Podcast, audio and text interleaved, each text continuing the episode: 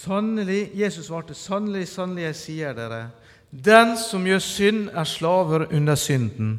En slave blir ikke i huset for alltid, men en sønn blir der for alltid. For Sønnen frigjort dere, da blir dere virkelig fri. For Sønnen frigjort dere, blir dere virkelig fri. Jeg skal ikke snakke lenge. Der er en tendens i tida, og den har sannsynligvis vært der lenge, om at når folk kommer med synd og syndebøra og går med en tung ryggsekk på ryggen, så er det en tendens til at vi skal gå og si til dem ja, det er ikke så farlig, det er helt ok. Gud har ingenting imot synda di. Alt i orden. Vi skal trøste det, vi. Og så går man med en tung sekk på ryggen, full av steiner, full av synd. Og man kan til slutt ikke gå, så man kommer lenger og lenger ned på knærne. sånn som det her. For man har så mye synd på ryggen sin. Og til slutt så faller man nesten og går bortover sånn som det her. Og så kommer det noen kristne og trøster dem og sier Vær så god, her har du en mikrofon. Ja, det kommer de og sier. Så kommer de og sier Halloen, du, det spiller ingen rolle. Gud er glad i deg, Gud er kjærlighet. Og vi tilhører ei moderne forsamling, og vi lever i 2021. Så det er helt ok at du går med synda di på ryggen. Og så kommer folk gående med synda på ryggen. Og det blir tyngre og tyngre, for de synder og de synder. Og til slutt så bryter de tyngdeloven nesten, ikke sant? I Ålesund hadde vi en mann vi kalte tyngdeloven, for han brøt tyngdeloven han gikk. Ok? For synda blir så stor. Men vi som menighet tør ikke å si til folk at de synder. Så istedenfor sier vi ja, Gud er snill. Gud er nådig. Så du skal få bare gå med, og Gud velsigner det likevel. Alt er i orden. Og når folk får høre det, sier de 'Å, det var bra'. Aha. Og så går de litt sånn oppreist, da. Men til slutt så blir det bare tyngre og tyngre. Og til slutt så er det så mange steiner bak i sekken din at du faller på knærne. Og du føler deg helt sliten, så kommer det en og sier til deg 'Å, Gud er glad i det, Jesus er glad i det, og det helt ok at du synder, for det er ingenting som er synd. Så du greier nå å fortsette, og så går du der på knærne da, med sekken på ryggen. Og så tror folk at de har funnet frihet. Så tror Kirka at den har forkynt frihet. Men Kirka har da ikke forkynt noe annet enn byrde. Dersom det ikke finnes synd, så var Jesus frelsesverk helt forgjeves.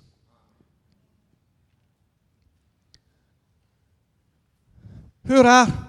Det er noe som heter liberal teologi, og det handler stort sett om å la folk få mange steiner i sekken, og så sier til dem at det er ikke så mange steiner i sekken likevel. Men den sønnen får frigjort, han blir virkelig fri. For når Jesus kommer, så kommer ikke han og sier at ah, 'jeg skal hjelpe', du skal få gi trøst og oppmuntring til å bære denne tunge sekken. Han sier ikke det. Jesus døde for våre synder. Han tok den på seg. Og så kommer han og sier, 'Her, gi meg sekken din. Jeg skal ta han.' Veldig bra. Og så tar Jesus sekken. Og dermed kan vi reise oss opp. Og så kan vi gå. Og så kan vi si 'Jeg er fri'. Jeg kan gå glad og tilfreds uten syndebyrden på meg. For Jesus tok han. Hør her, det er mange som sier at nei, ingenting er galt. Ingenting er riktig. Ingenting er noe som helst. Det eneste som er galt, er dem som tror på Bibelen. Liksom. Og så lar man folk gå med synda si og plagene sine. Og ingenting blir ok.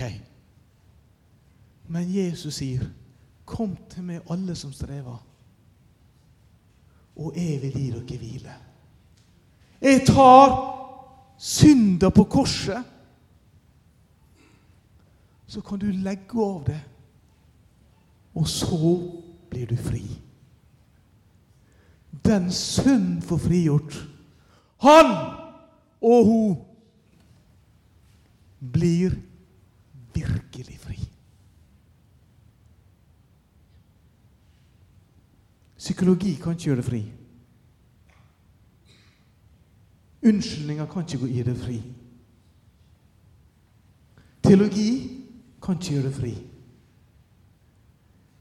Men at Jesus døde for syndene dine, det kan gjøre det fri. Så har du noe som tynger deg ned. Har du menneskefrykt? Er det et eller annet som plager deg? Har du synd i livet som plager deg? Gi det til Jesus. Kast sekken på han. Han tar imot han. Og la han gå med den. Så blir du fri. Den sønnen sønn får frigjort, han blir virkelig fri. Galaterne, dem tenkte som så. Det må nå være noe vi kan gjøre sjøl for å bli fri.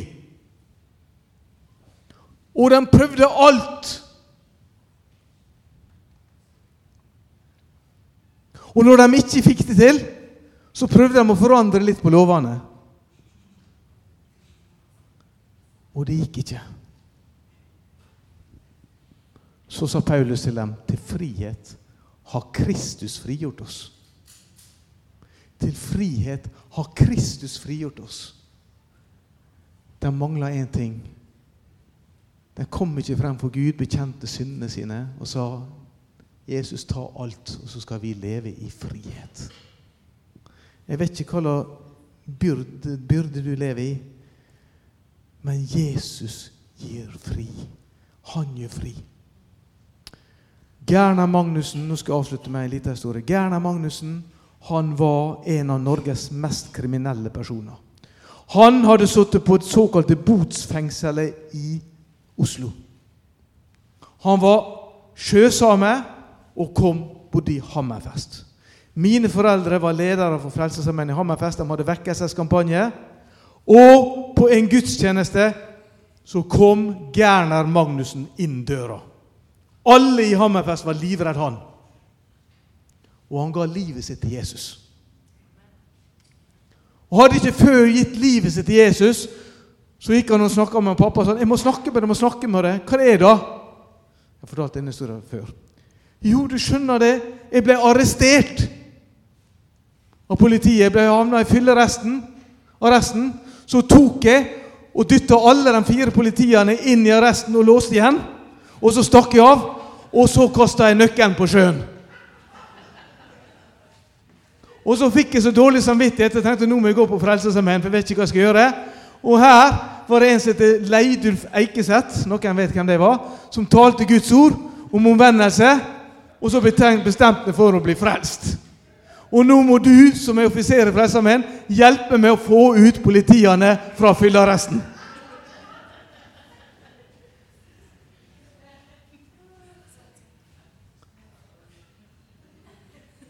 Og det var litt av ei oppgave. Og vet dere hva som skjedde etterpå? Når pappa var på utpost, så kom det noen folk til han. Vi kommer aldri mer på Frelsesarmeens møte. Aldri mer. Når Gerner Magnussen kan bli frelst, da vil ikke vi være med lenger. Hæ?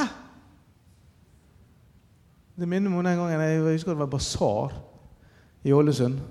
Så var det en kjøpmann, han tok alltid så mye lodd, og derfor vant han så mye. Så var det ei dame som sa til han han kom og skulle kjøpe lodd. 'Du får ikke lov å kjøpe lodd, for du vinner så mye'.